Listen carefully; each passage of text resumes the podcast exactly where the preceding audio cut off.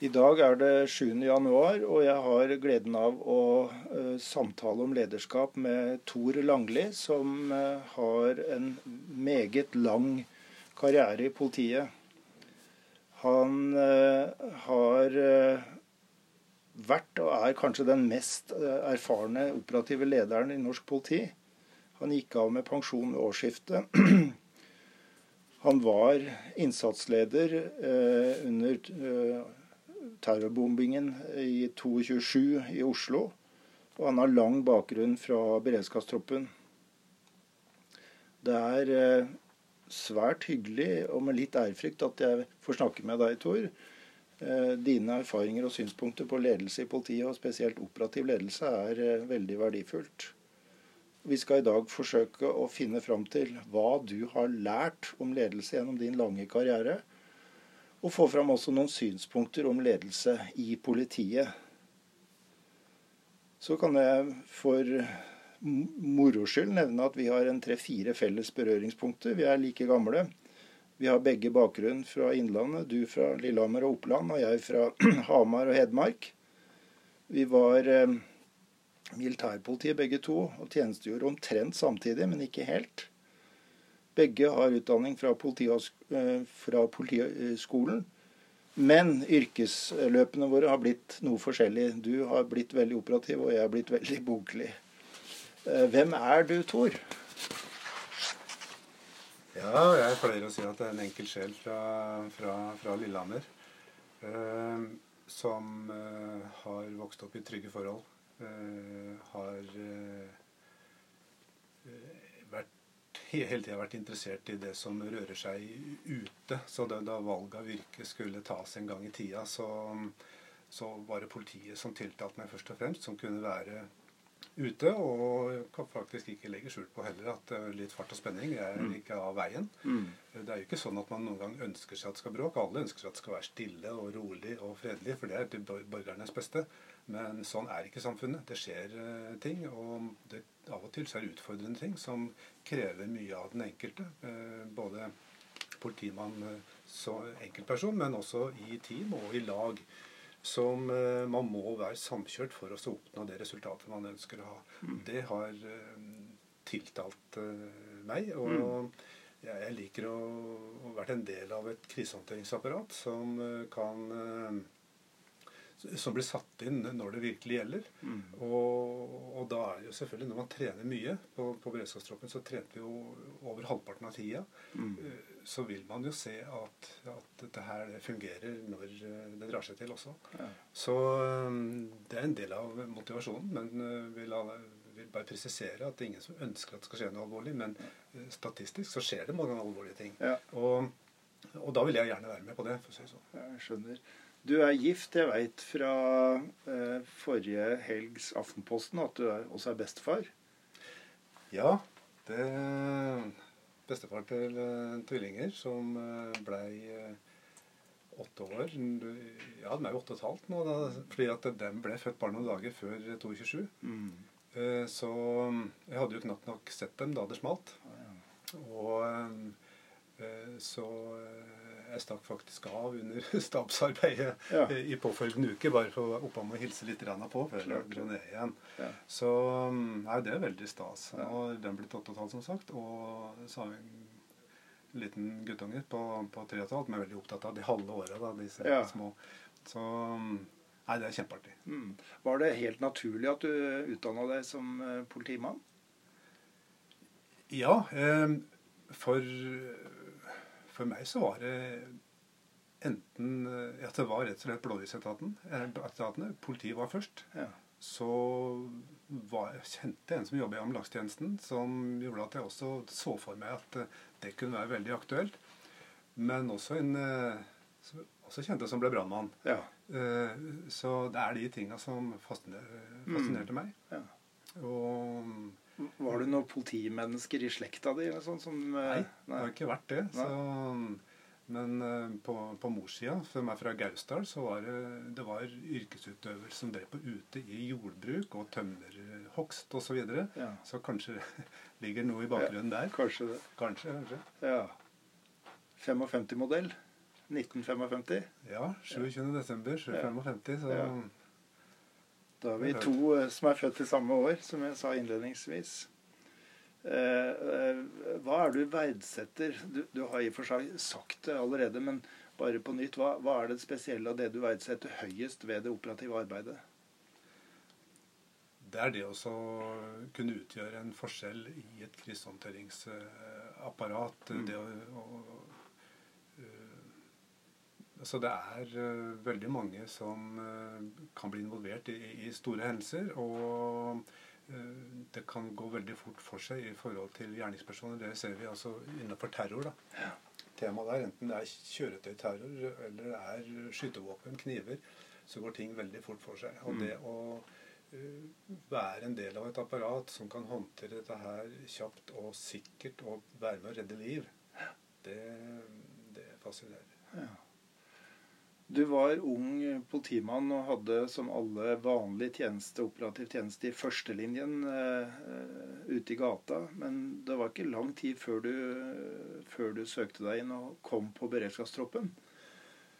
Nei, og det var et mål jeg hadde helt fra jeg begynte i etaten. Og um, en hendelse som var uh, på Oslo S i 82, hvor det var første patrulje på stedet som, i forbindelse med en bombeeksplosjon der, det, det var nok med å sette enda mer fart på det. fordi at uh, da følte jeg faktisk litt avmakt. For uh, her vi sitter nå, på Politihøgskolen, gikk jo jeg i, i, og var ferdig ute i 81.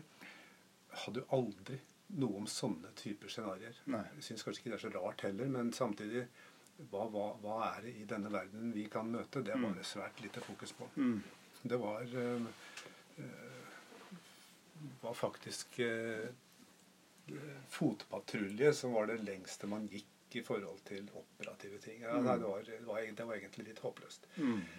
Så jeg så veldig godt mangelen på, på kunnskap innafor ting som skjer fort, som krever stor innsats fra første sekund for å redde liv. Mm. Så det ble en sånn besettelse. Ja. Og jeg har tatt fagansvar og sånn i, eller hatt fagansvar sånn i ettertid. Og det å systematisere denne type hendelser, fragmentere og fordele ansvar, hvem gjør hva, Ja. det har eh, vært en veldig viktig del av det. Ja. Starta opp med planverk, tiltakskort, på, på tidlig på 2000-tallet. Skjøt eh, fart etter hendelsen i USA 2001 9-11. Mm. Eh, og eh, fra da og utover så jobba vi veldig tett fra da vi begynte på innsatsledelse. Ja. Vi jobba veldig tett med eh, i, forhold til det å få systematisert det. Så vi, nå har vi tiltakskort innenfor 23 operative fagfelt, og det er sånt som en innsatsleder skal kunne. Ja. Men da dro jeg med meg erfaringa fra, fra beredskapstroppen. Eh, eh, hadde veldig, veldig respekt for eh, en mann som Torleif Vika, Asbjørn Myhrin, Mm. som da var henholdsvis sjef for NK på beredskapstroppen, som, som virkelig gjorde sitt i forhold til å prege sine mannskaper på en veldig positiv måte. Mm. Og lærte oss det viktige det med å så jobbe i, i team, og ville aldri høre om at 'jeg har gjort'. Det var vi som gjorde det. Nettopp. Så vi eh, lærte det å være samkjørt. eh, Enten man var makkere eller i litt større team. Man, man var organisert i team. Forskjellige typer team Mm. innafor eh, det med terrorbekjempelse og alvorlig kriminalitet. Og eh, etter hvert også så ble jeg aksjonsleder. Vil si styrer innsatsen totalt sett. Mm. Og var også aksjonsleder på et par av flykapringene. Og også på oppe på Kråkmorfjellet. På, Ja, på banker. Ja. Det forsøk på den Ja. transporten. Ja. Pengetransporten der. nettopp. Du var altså 17-18 år på beredskapstroppen. Det er jo ekstremt lenge. Det er ganske lenge, spesielt i den tida hvor Ja. det egentlig var tiårsgrense. Mm. Men eh, jeg var heldig. Jeg var der, som sagt, det som du sier, 17-18 år. Og, og lærte enormt eh, mye som jeg har dratt med meg eh, videre eh, i ettertid. Et stikkord som du har sagt, er altså innsatslederrollen, som, eller funksjonen, som du har hatt i politiet i ganske mange år, og Ja. kanskje den som har hatt det aller lengst. Hva er innsatslederrollen? Hva, hva består den funksjonen i? det er jo det som ligger i navnet, nemlig å lede. Lede en innsats. Og øh, noen sier at det der er en fagstilling. Ja, det er det, fordi at vi skal kunne faget. Men samtidig så er det en lederstilling. Mm. Jeg har jo vært med å lede operasjoner som har vært over 1000 personer som har vært involvert. Mm. Som man da har et direkte ansvar for i mm. forhold til det operative. Ja. Men uh, innsatsleder er ikke den som skal ha ansvar for AtB og ferie og avspasering. Det er ikke den delen av lederbiten, men man har ansvaret for personellet og sikkerheten til personellet og foreta risikovurderinger. Mm. og foreta de disposisjonene som er rette i forhold til å komme godt i mål på best mulig måte. Altså få et best mulig resultat i forhold til den utfordringen man står overfor? Helt riktig. Mm. Og det, du ga et, eh, også et stikkord i stad. Eh, fordele og koordinere eh, oppgaver og ansvar. Og det er jo rett og slett definisjonen på organisering. Ja. Så. ja for uh, man må ha en uh, ganske Ja, det er viktig med, med god struktur. Ja. Og dette her må man ha i seg, og så må det gå automatisk. fordi at uh, veldig mange av de hendelsene man styrer som innsatsleder, det skjer på veldig kort tid. Ja. Det er bokstavelig talt noen ganger pang, og mm. så er man i full gang. Uten å, Man kan ikke sette seg ned og begynne å lese planverk da. Kan man det ikke, så, så har man rett og slett tapt. Man mm. må kunne det i forkant.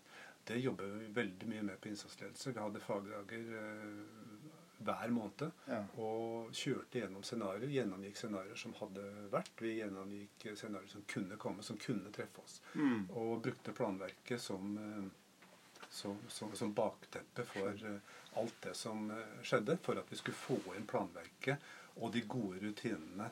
Mm. Uh, og ikke minst at innsatsledergruppa skulle være så lik som mulig. Man skal ikke ha et bredt spekter. Det skal ikke være forskjell på Kari og Per Nei.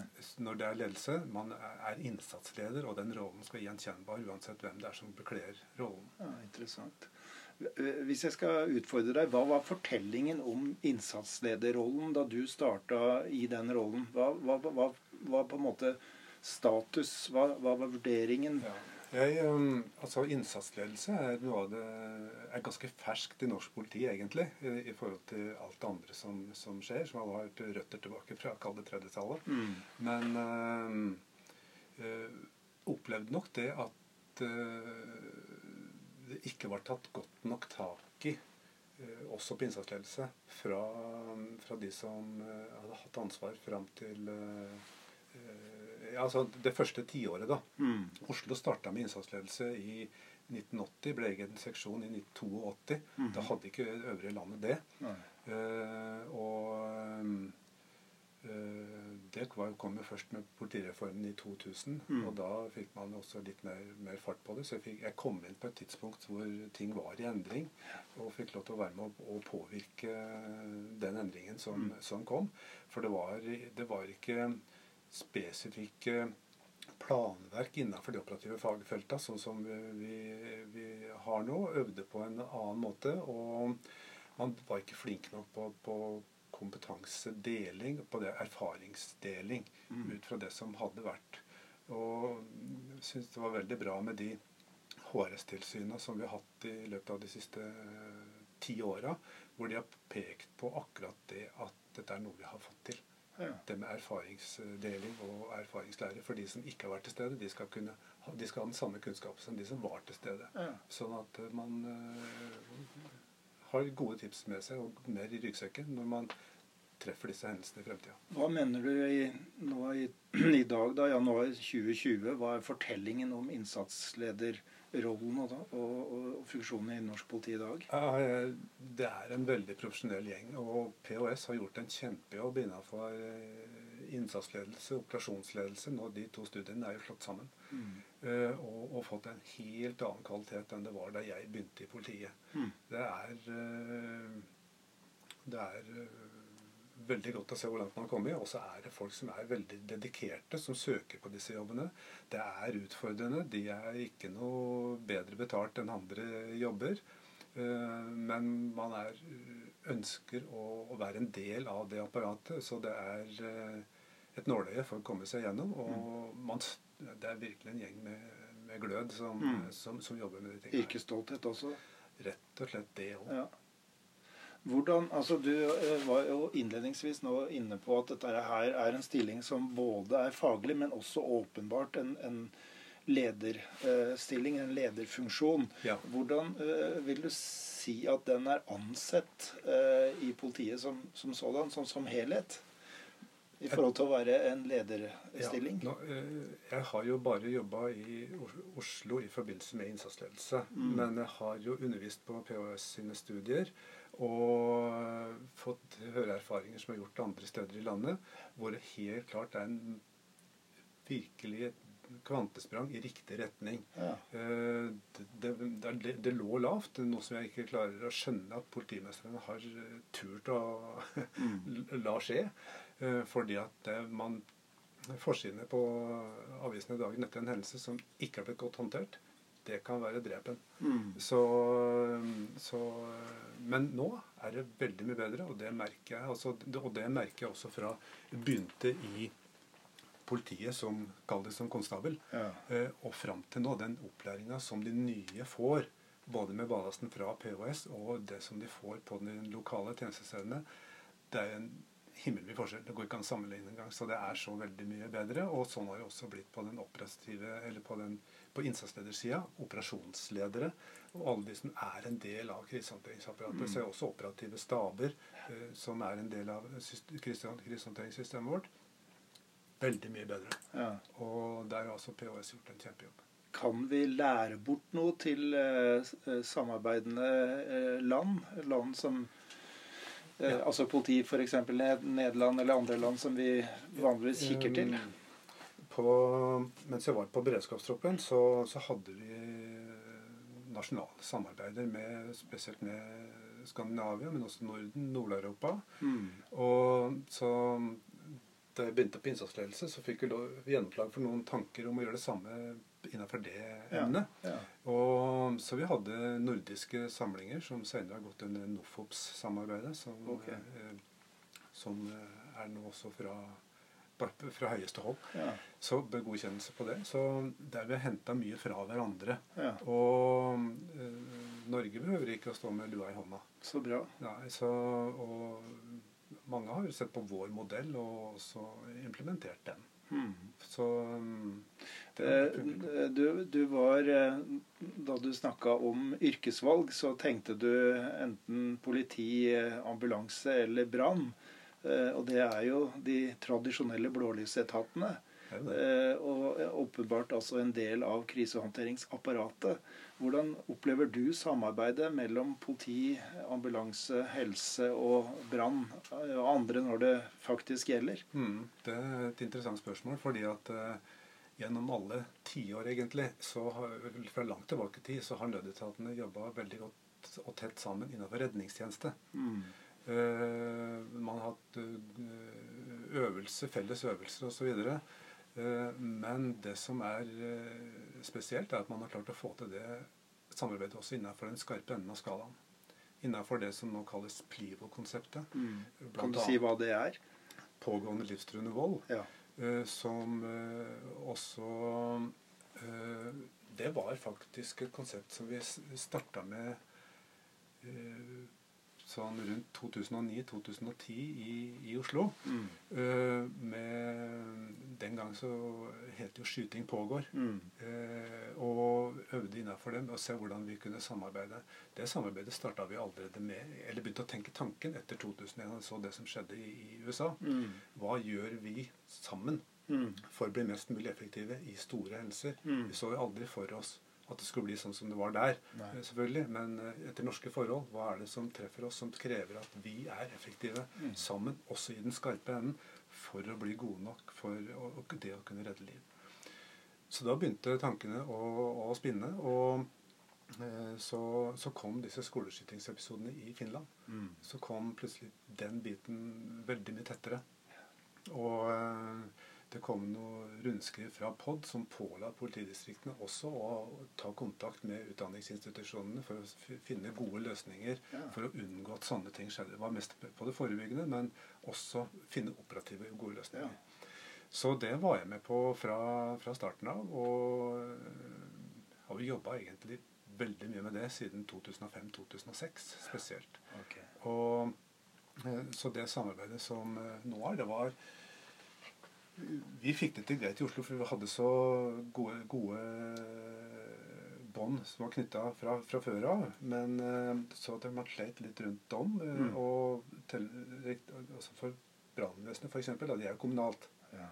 Um, og det er ikke noe som det sitter et direktorat og sier at nå, det skal dere jobbe med. Mm. Men etter uh, hendelsen 22.7 så uh, gikk jo statsministeren på Stortingets talerstol i det tror jeg var i 2012 og sa at nødetatene skal finne gode, et godt konsept mm. for å kunne samvirke og kunne være mest mulig effektive sammen. Mm. Så da, da, var det en, en gruppe i POD som ble satt ned der. Så fikk jeg være med på det. Og da kunne, man, kunne, vi også presentere det opplegget som vi hadde lagd i Oslo. Så bygde man videre på det. Mm. Og det er jo en suksesshistorie. Det er jo, Nødetatene jobber jo veldig tett og godt eh, sammen i dag. Og så ser man også spin-off-effekter av det samarbeidet som har vært innenfor andre eh, en, som er, ikke er PRIO-hendelser, men som er i den skarpe enden.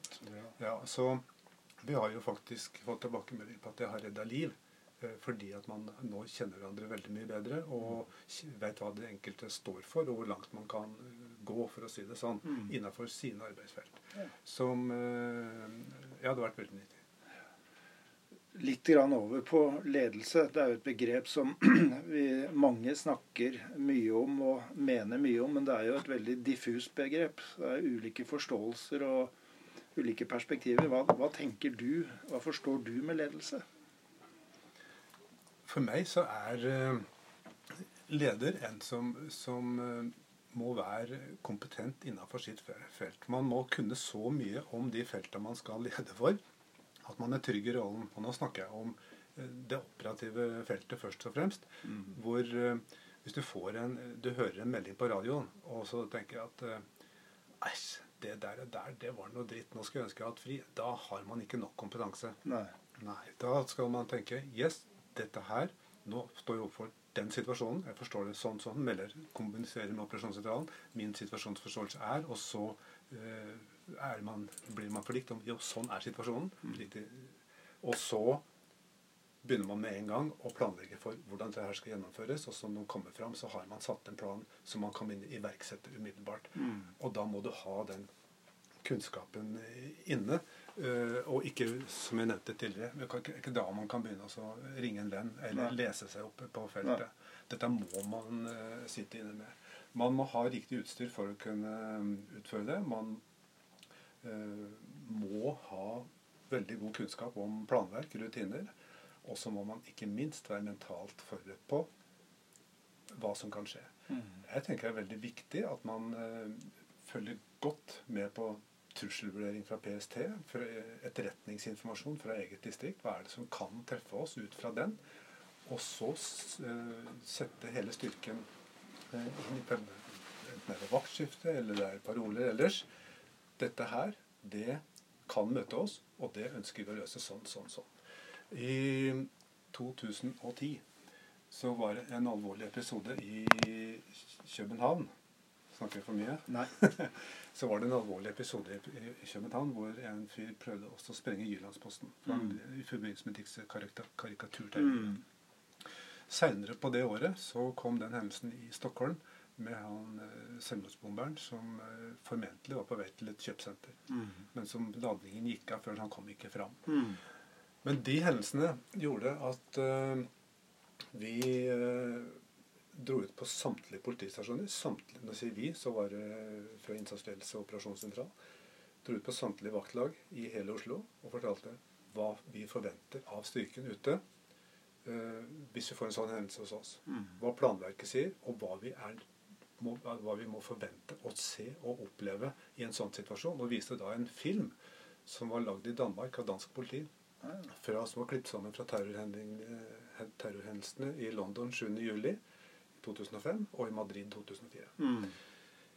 Stygge scener, veldig stygge scener, mm. men vi viste den filmen. Sånn kan det se ut på et sånt sted. Mm. Og så brukte vi faktisk de fem første månedene av 2011 på å gå gjennom disse scenarioene med, de med disse vaktlagene som vi snakka om. Mm. Og så smalt det en måned etter at vi var ferdig med det. Mm. Og veldig mange har kommet i ettertid og sagt at eh, det at dere var ute og fortalte oss om hvordan vi skulle være forberedt, og, jeg hadde sett den filmen, så jeg visste hvor stygge scener var, det gjorde at jeg klarte å jobbe effektivt. Jeg ble ikke lamslått, jeg ble ikke satt ut. Eh, og det syns jeg var eh, veldig godt å høre. For at den, at den gjennomgangen som vi hadde hatt der, hjalp på mannskapene som var ute. Og dette var også noe som vi hadde sammen med brann og helse. Skjønner. 22 er jo et eh, Ja, det er en, en, en, en stygg og vond og vanskelig hendelse. Det er kanskje et vendepunkt eh, for politiet, bl.a. Du var eh, innsatsleder da. Var veldig interessert i å høre noen erfaringer som du gjorde deg. Hva sto du overfor? Hva, hva følte du gikk greit? Hva syns du var vanskelig? Hadde du mer kontroll da, syns du, enn enn da du som ung eh, eh, konstabel sto på, eh, sto på Oslo S. Oslo S? Ja, det, det var eh, kjempestor forskjell. Det, det er helt klart. Helt andre forutsetninger for å eh, eh, lykkes. Og tenk på flere ganger altså den, den det halvåret jeg nevnte i stad, før 227, som vi brukte å undervise på alle stasjonene Mm. Hvis vi hadde hatt tilsvarende før den eksplosjonen på Oslo S den gangen, Ja. så hadde det vært en helt annen setting. Da hadde man visst, kjent systemet, visst noe om eh, hvordan dette her skulle, skulle håndteres. Det som eh, jeg faktisk husker aller best da fra, fra 227, som eh, gjør at man blir litt varm i brystet også, Mm. det er den innsatsviljen som var blant eh, mannskapene. En ting er de profesjonelle etatene som skulle håndtere det. Mm. Eh, Kjempeinnsatsvilje. Så politifolk med blod på hele skjortebrøstet og blod oppover til albuen eh, som kom Hei, sjef, nå er jeg klar igjen. Nå, hva skal jeg gjøre nå? Ja. Det var, det var full innsats, men også på det øvrige, altså sivilbefolkningen, de andre vektere, alle som tok et tak eh, sammen. For det var et kjempestort innsatsområde. Mm. Brukte de første minuttene på å se hva er dette her hva er vi står overfor, hvilke utfordringer er vi har her. Måtte selvfølgelig iverksette noen tiltak eh, med en gang, men eh, det å da å se at helse hadde begynt med sine arbeidsoppgaver, eh, brann hadde begynt med sine, og det er ikke en selvfølge i et område hvor eh, det akkurat har gått ei bombe, Nei. og hvor det også ganske kjapt kom melding om at det var flere bomber. Mm. Eh, Som gjorde at eh, noen minutter også måtte evakuere hele innsatsen i området for å reorganisere og så, sette i gang igjen. Mm. Så det er faktisk eh, Jeg sitter på en veldig god følelse i forhold til eh, den innsatsen som ble gjort. Og jeg Mm. syns det også er veldig godt å høre at eh, ingen døde fordi de ikke fikk behandling tidsnok. Det, da har man jobba effektivt. Ja. Og selv om noen dessverre døde, så, så var det pga. eksplosjonen. Mm. Dette her oppfatter jeg som bortimot den ultimate utfordring for en innsatsleder, for et politimenneske. Eh, hva er din tanke om det nå? Det var eh, veldig spesielt å komme inn for det første på veien bort. Eh, folk som sto i gatene og ville gå foran bilen og stoppe meg. Blødde, var i sjokk. Ja. Men hvor jeg faktisk måtte svinge rundt Hmm. og kjøre fram. Jeg visste at dette var ikke min oppgave å ta enkelte som klarte å stå og som klarte å snakke. De hadde to kvartaler til legevakta. Jeg visste at situasjonen ville være helt annerledes mye verre litt, eh, bare litt lenger framme. Mm. Så jeg måtte dit og ta tak i, i ledelsesoppgavene der. Og kom dit og så, så den slagmarken som man faktisk nesten ikke ser på Dagsrevyen engang, på sånne krigsfelt Mm. eh, eller krigsområder. Som, eh, som selvfølgelig gjør et veldig inntrykk. Men da er det veldig greit også å ha innarbeida rutiner. Hvordan er det vi skal håndtere dette her?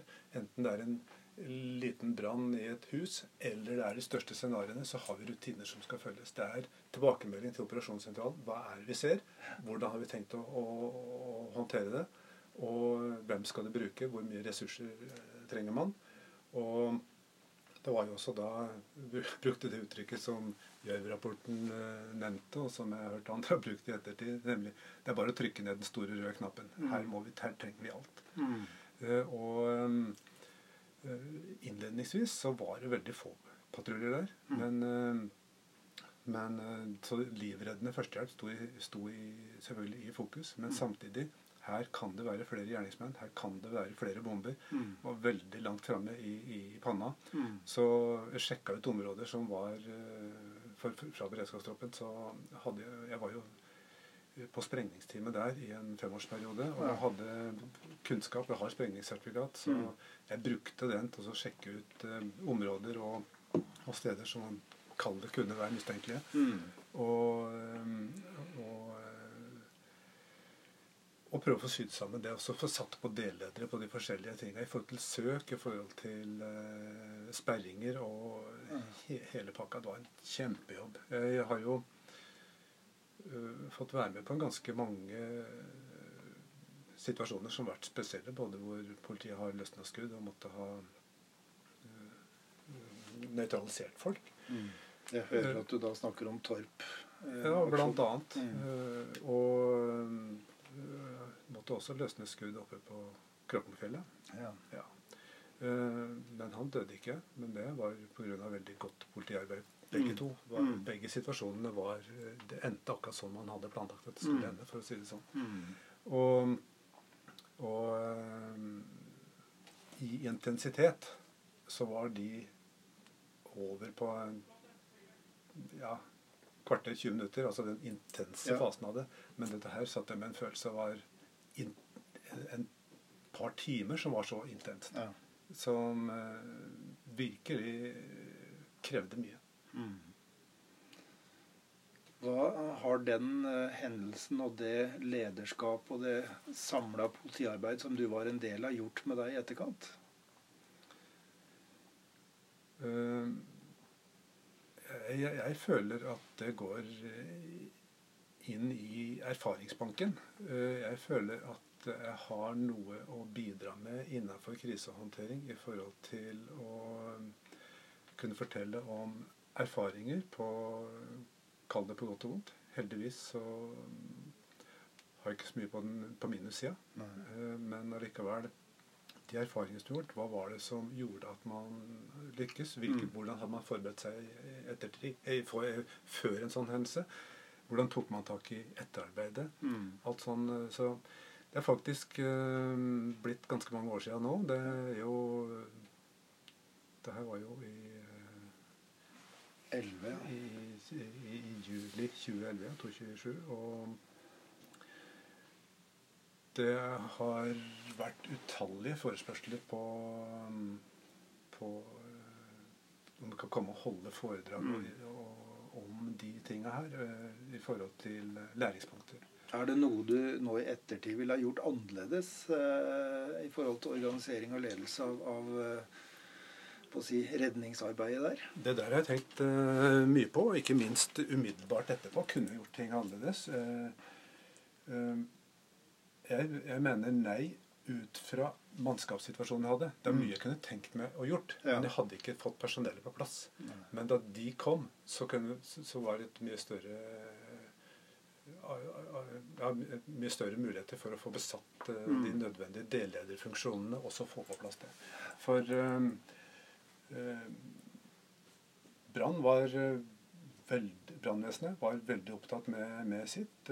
helsa veldig opptatt med sitt, og det mener jeg det var riktig, Mm. sånn som det var innledningsvis der. Det var viktigere for meg at leder for helse leda sine for å være effektiv i forhold til å redde liv, enn å komme til meg for å fortelle hva han hadde gjort. Altså Ja. til, For vi setter jo eh, innsatsleders kommandoplass på alle disse stedene. Mm. Jeg, det var noe av det første jeg pekte ut da jeg kom fram også. Ja. Uh, Men helse kunne ikke komme med en gang, for de var opptatt. Ja. Og det, det, jeg visste hvor de var, så det var veldig greit. Så, og og, og Brann var selvfølgelig veldig opptatt av sine arbeidsoppgaver. Det brant jo veldig godt i både ja, i R4 først og fremst, men, eh, men også i høyblokka brant, var det branner. Så Mm.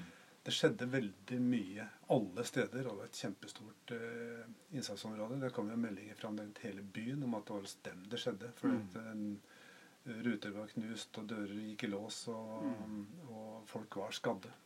Så mm, rett og slett enormt. Og så dukka det opp nye situasjoner eh, underveis eh, ved at det ble, kom melding om at det har gått av nye ladninger eh, rundt om. At det var satt ut bomber, bomber Ja. rundt om utafor TV 2.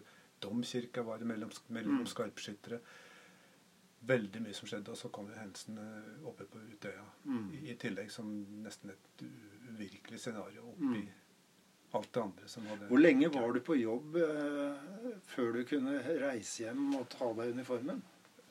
Eh, Det gikk vel en tre-fire dager før jeg var hjemme. Ja. Og da var jeg bare hjemme noen timer. Jeg var vel egentlig mer eller mindre på jobb i 14 dager. Mm. Før jeg tok ei frihelg, og så var jeg på'n igjen.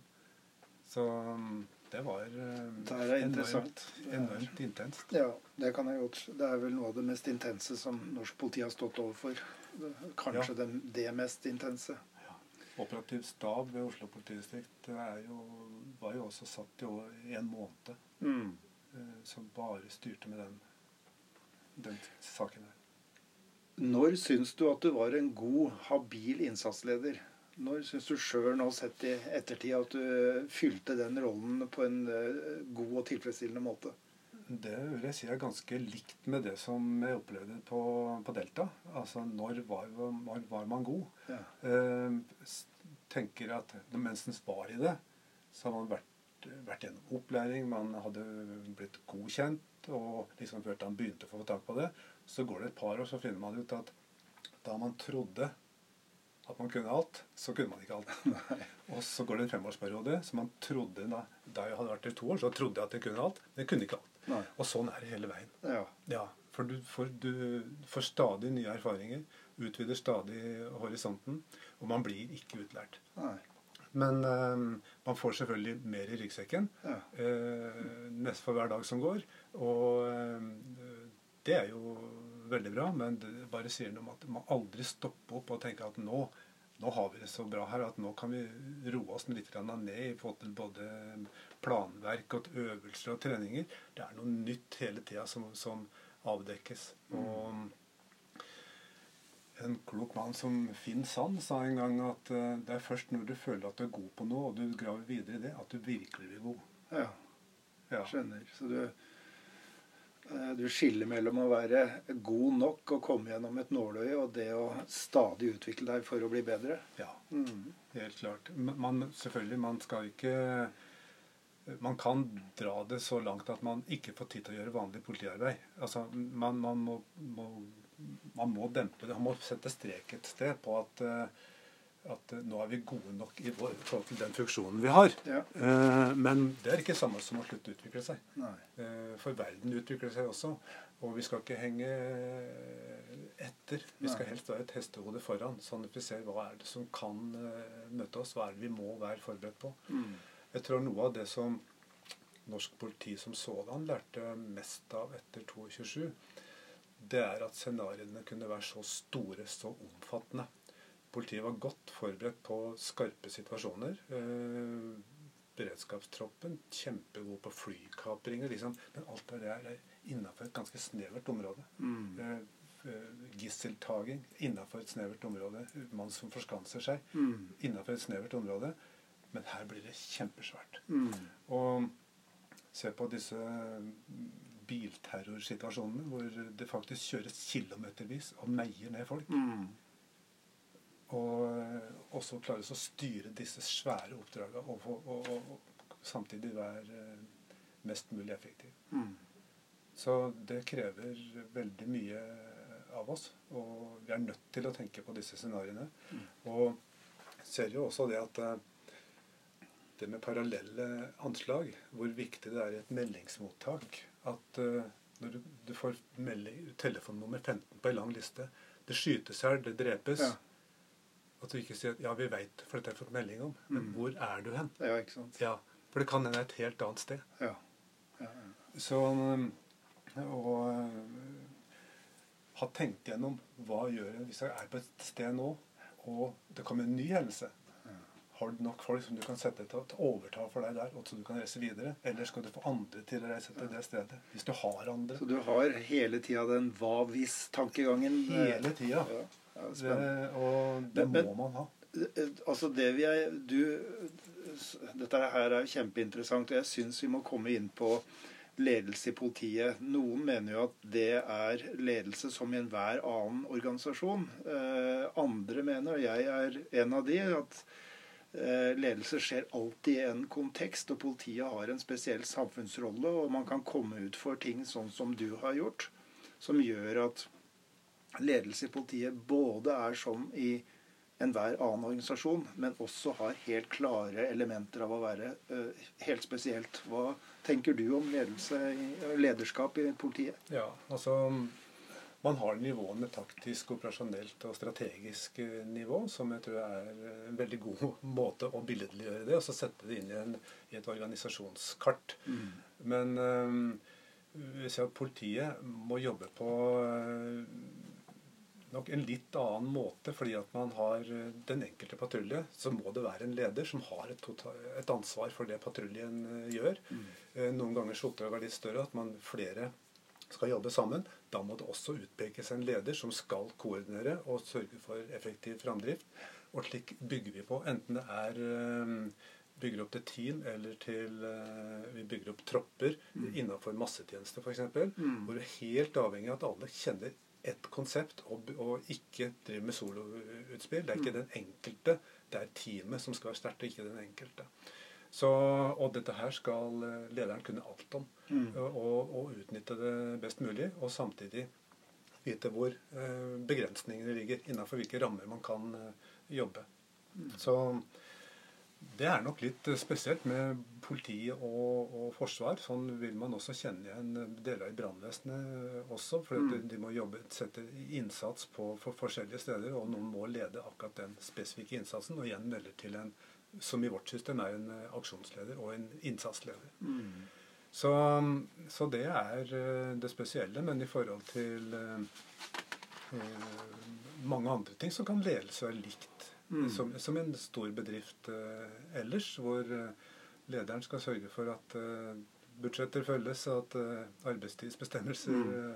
Eh, også følges, og, og, og, den biten. Og, mm. og sørge for at folk får eh, ferie og fritid. I norsk politi så er det jo veldig mye sertifiseringer på grunnplanet. Ja. Skal du være innsatsleder, så må du gjennom en utdanning og en godkjenning.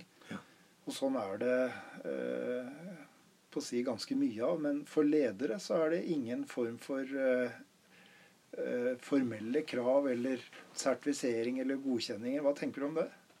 Ja, det er litt spesielt. Se på Forsvaret. De, det er ingen som blir general der uten at de har starta opp et sted og fulgt eh, systemet. Mm. Eh, mens eh, bl.a. politiet har, så behøver ikke ha gått her på POS for å, å bli toppleder. Mm. Så men eh, jeg, jeg, føler at uh, jurister og andre som skal inn i lederposisjoner, i hvert fall opplever det de jeg jobber sammen med, at de er veldig interessert i hva er det som foregår. De ønsker å sette seg inn i det og få gode råd. Mm. Og jeg tenker at uansett En toppleder kan ikke vite alt, enten man er i en produksjonsbedrift eller som altså, lager gjenstander, eller om man er i en bedrift som skal ha ansvar for lov og orden, nemlig politiet, mm. så, så, kan man ikke kunne alt. Uh, og, og, om alt. Så det er viktig også å sette et godt uh, lederteam rundt seg. Og så må det være takhøyde for at uh, man sier det man mener. Mm. at det ikke blir nikkedukker fordi man skal tenke på neste karrierevalg mm. og neste søknad. man må fungere godt som som team, og den være sånn sammensatt at det gjør den. Hva er din vurdering av, av si, takhøyde og, og, kulturen for åpenhet og kritikk osv. i politiet? Det har jo vært uh, av begge slag. Uh, jeg tror nok at de som har tatt nok inn over seg viktigheten av uh, at både at hele politidistriktet skal fungere godt, de skjønner at dette klarer vi ikke alene. Og de må uh, ha gode rådgivere. Og det tror jeg har blitt veldig mye bedre også. Men man Vi husker vel, vi som har vært med litt av stund, om egenrådige politimestere og sære politimestere Mm. som har både gjort og sagt mye rart opp gjennom tida, Mm. som man kan riste på huet av i dag. Mm. Jeg, eh, det har Ja, si det igjen. Det har blitt, det har blitt veldig, mye, veldig mye bedre. Og hos øh, oss, øh, f.eks. For, for å bruke et navn, Johan Fredriksen, som har vært leder for fellesoperativ tjenester nå i, siden 2004, Og tidligere sjef for beredskapstroppen.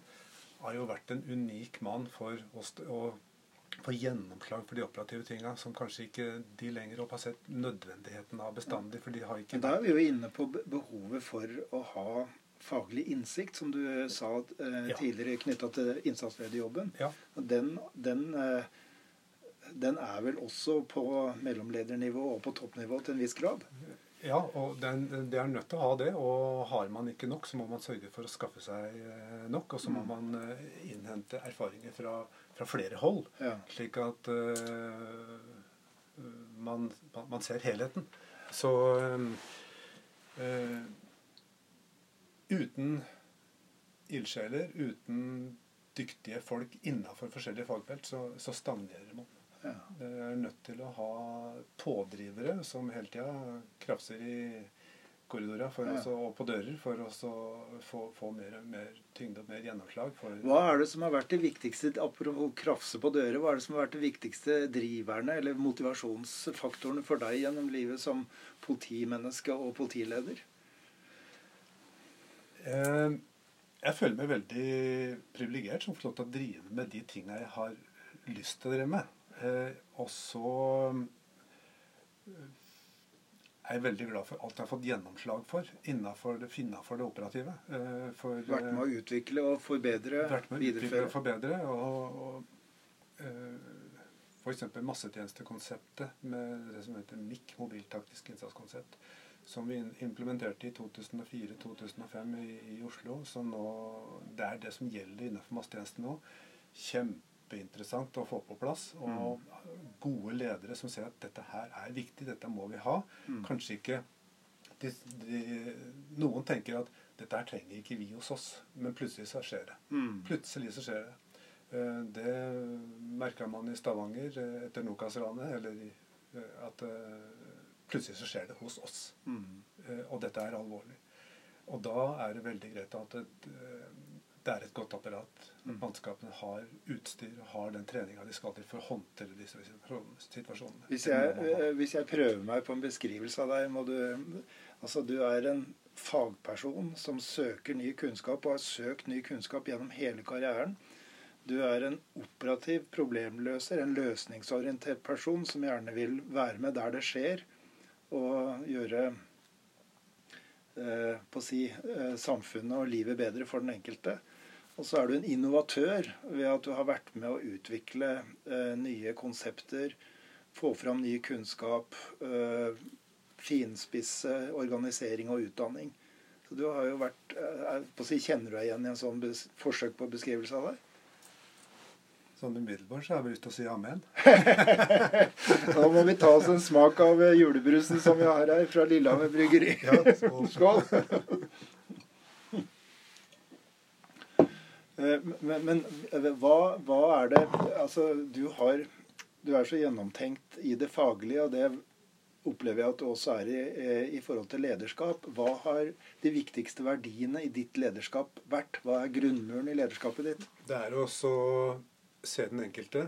eh, Være veldig klar over hvem man har med seg i situasjonen. Altså hvis vi, vårt oppdrag, neste oppdrag, er å slå til mot en adresse på eh, ja, hvor som helst eh, vei i gate, fordi at enten det er en voldsutøver, eller det er en drapsmann, eller det er en, en kriminell som kan utgjøre, utgjøre, utgjøre en fare, for, også for innsatsmannskapene, at man alle har likt situasjonsbildet. Hva er det vi står overfor? Også at alle vet hva man skal gjøre, hvilke arbeidsoppgaver er det man er satt til innafor det der. Mm. Og så vite at de som er ferskest, alle har vi vært der, Mm. de trenger mer enn de som har vært med en stund. Mm. For de kan tenk, reflektere over alle situasjonene Mm. som de har vært med på opp gjennom tida, mens andre har, er der for første gang eller Mm. andre gang. Og øh, at eh, At man kanskje av og til også tar de selvfølgelige tinga. Når, eh, når det skjer ting fort.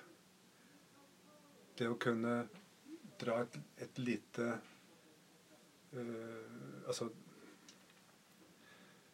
Det å kunne ta enten på melding på radio eller idet man har kommet fram. Mm. Husk, folkens, nå står vi overfor det, det, det. Mm. Dere kan møte sånn, sånn, sånn. Og da skal vi følge det handlingsmønsteret der. Nettopp. Ja. Det har vært flere som har kommet i ettertid etter sånne oppdrag og sagt at 'jeg visste det'. Vi har, vi har hatt opplæring på det. Men da du sa det, så følte jeg meg veldig mye tryggere. For da visste jeg at da tenkte jeg likt Mm. med de andre her. Som igjen gjorde at tryggheten for oppdraget ble på en helt annen måte. Ja. Og så gikk man inn med selvtillit istedenfor å lure på hva er det vi står overfor nå. Ja. Så det må man ta seg tid til uansett hvor mye det haster. Man kan ta seg bedre tid når det ikke er eh, sekundstrid. Mm. Men om det er sekundstrid, så må man gi litt av disse tinga. At ting må gå veldig mye fortere. Vi er jo inne i kjernen av lederskap her nå, som du da har putta inn i, inn i den konteksten som politi, politiet er. Jeg syns dette her er, er veldig interessant. Er å se den enkelte, forstå oppdraget, være tydelig på roller og ansvar og utøve situasjonsbestemt ledelse. Ja. Ja, det er eh, Det sa du på en bedre måte enn jeg gjorde. Nei, jeg prøver å ko- øh, hva skal vi si, bruke noen boklige ord på det og, og oppsummere det du sier. Um, hvis vi skal Altså, hva, hva er det du har vokst på i rollen som innsatsleder? Er det utfordringene du har møtt, og som du har klart å løse, eller er det, er det andre ting? Hva du har vokst mest på, da, for å Ja, det. For å. Eh, altså det man eh, vokser på, det er jo selvfølgelig tilbakemeldingene man får Mm. på, eh, på jobben som er gjort. Mm. Og det er ikke sånn man skal være på fisketur etter Syns du ikke det var bra? Liksom, altså, det er ikke det man skal ha. Nei. Nå vil jeg ha tre ting som dere er syns virker godt, og så vil jeg ha tre ting på det som kunne vært gjort bedre. Og Har, du, har du praktisert eh, den type hva skal Ja. vi si, etterarbeid? Ja, og det, det gjør vi på innsatsledelse. Ja. Og der det er, eh, man tar samlinger etter eh, de, disse oppdragene. Det er jo selvfølgelig eh, Til større oppdraget er, til mer har gjort kall det inntrykk på folk, Ja. til, til, til dypere går man på det. Det kan Ja. være at man tar ved, ved biler før man kjører fra stedet. Det kan Ja. også være at man drar inn på politihuset. Er det sånn at fokus da kan være både på den individuelle lederen, men også på gruppa, på, på hele teamet? Ja. Det er jo kontinuerlig læring i det der. Kontinuerlig læring. Og så er det viktig å gi go- gode tilbakemeldinger på det som har vært godt utført. Og så si at uh, Og forbedringspunktene, sånn som jeg ser det, det er sånn, sånn, sånn. Det, um, og det, sånn ønsker alle å ha det. Det, er, det operative politiarbeidet er uh, Det er noe helt annet enn det var i gamle dager. Så heldigvis. Det er blitt bedre på alle nivåer. Mm. Det som er litt synd nå, det er at vi er uh, færre og færre ute i gata som kan utøve den gode ledelsen. Jeg tror man kunne gjort veldig mye med responstida hvis man hadde flere tjenestemenn ute. Mm. Ikke bare tror, det er en selvfølge. Mm. Og, øh, og kan det komme bedre ut av disse statistikkene også, for den blir jo målt på minutter som man bruker fram til det og det punktet osv. Og, og er man få om å kjøre langt, så, så bruker man lengre tid. Så, Sånn er det bare. Men de som først kommer fram, de har veldig god kompetanse, er min påstand. Mm. Hva, eh, hva ønsker du at fortellingen om Tor Langli som politileder eh, Eller hva tenker du at fortellingen om Tor Langli som politileder er nå, etter at du nettopp har blitt pensjonist? Jeg håper i hvert fall eh, at eh, man sier at det var en omgjengelig fyr som tok seg tid til å, å lytte, og som tok, eh, eh, tok den enkelte på alvor og prøvde å forbedre situasjonen ut fra, ut fra de tilbakemeldingene som er gitt. Altså, vi er veldig interessert i å få tilbakemelding fordi vi vil ha ting som kan hjelpe andre. Det som noen har erfart, det bør alle få erfare. Vi, vi snakker om at vi er dårlige på på, på lære av øvelse, lære av oppdrag. Eh, jeg er ikke helt enig i det. For ja. hvis man bruker systemene vi har, så kan man lære veldig mye av det. Ja. Alle tiltakskorta som vi har, det er erfaringsbasert. Ja.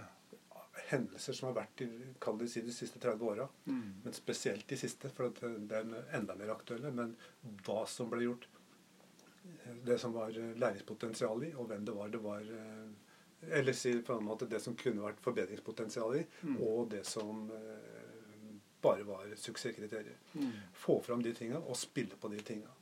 Så, og det legges, det legges, inn i planverket. Vi, mm. vi reviderer tiltakskartet hvert år. Mm. Eh, og, og, tar inn disse momentene. Kjører inn presiseringer. At eh, det som fungerte godt, det vektlegges. Så, så jeg vil si at vi har lært veldig mye av både øvelser og, og hendelser. Mm. Eh, både innenlands og utenlands. Vi har brukt foredragsholdere fra, fra andre land for å komme, til, komme, hit til oss og fortalt om det de har erfart, på godt og vondt. Mm. Erfart at de er veldig åpne på, også på de tinga som eh, ikke har fungert uh, så godt. Mm. Uh, I forkant av, eller i etterkant av uh, hendelsen i London 7.7 i 2005, så fikk vi reise over med en gruppe som fikk detaljer om hvordan de hadde jobba i etterkant av de bombeeksplosjonene. Mm. Veldig mange av de momentene brukte jeg 22. Ja, så... Som jeg aldri hadde klart å komme på av meg sjøl. Men for jeg visste det lå i planverket. For jeg mm. kunne planverket mm. og brukte dem. Og, så, så, det å samarbeide med andre, innhente erfaringer, få, få, det ned i planverk, i prosedyrer, superviktig. Ja. Det siste spørsmålet som jeg har lyst til å stille deg, det er å be deg liksom mentalt ta, ta et skritt tilbake. Hva, hva, er det viktigste du har lært eh, om lederskap gjennom din 40-årige eh, karriere i politiet? Eh, det, vi, det, som jeg har erfart, det er jo at når vi har tid, så tar vi med hele gruppa ta, ta, ta, gjennomgang. Altså ledergruppa. Vi, vi, har aksjonsledere, vi har teamledere. alt mm. Men gjerne, hvis det er hvis det er et småoppdrag, så tar vi med absolutt alle. Er det såpass stort at ikke alle har plass på et rom, så må vi ta ledergruppa. Og så må de gis tid til å ta, gå gjennom detaljene med sin gruppe igjen. Mm. Og sørge for at det situasjonsbildet som man sitter med på, på ledergruppa, det sitter hver enkelt. Mm. Hvert enkelt team med, med den samme informasjonen på. Og um, at uh, vi er nødt til å fungere også når vi ikke får tatt disse møtene. Men da skal vi ha så gode rutiner fra disse planleggingsmøtene at man igjen kjenner igjen når det går fort. Mm. Da blir det kortversjonen av det mm. uh, som, uh, så, så, som, som, gjelder. Men momentene må være med uh, uansett. Mm. Det var det jeg kom på i farten. Ja. Da sier jeg takk til deg, Tor. Det har vært en ære og veldig interessant å få snakke med deg. Det ligger mye, mye kunnskap om lederskap utøvd i politiet her. Så tusen takk skal du ha. Veldig hyggelig. Takk for invitasjonen.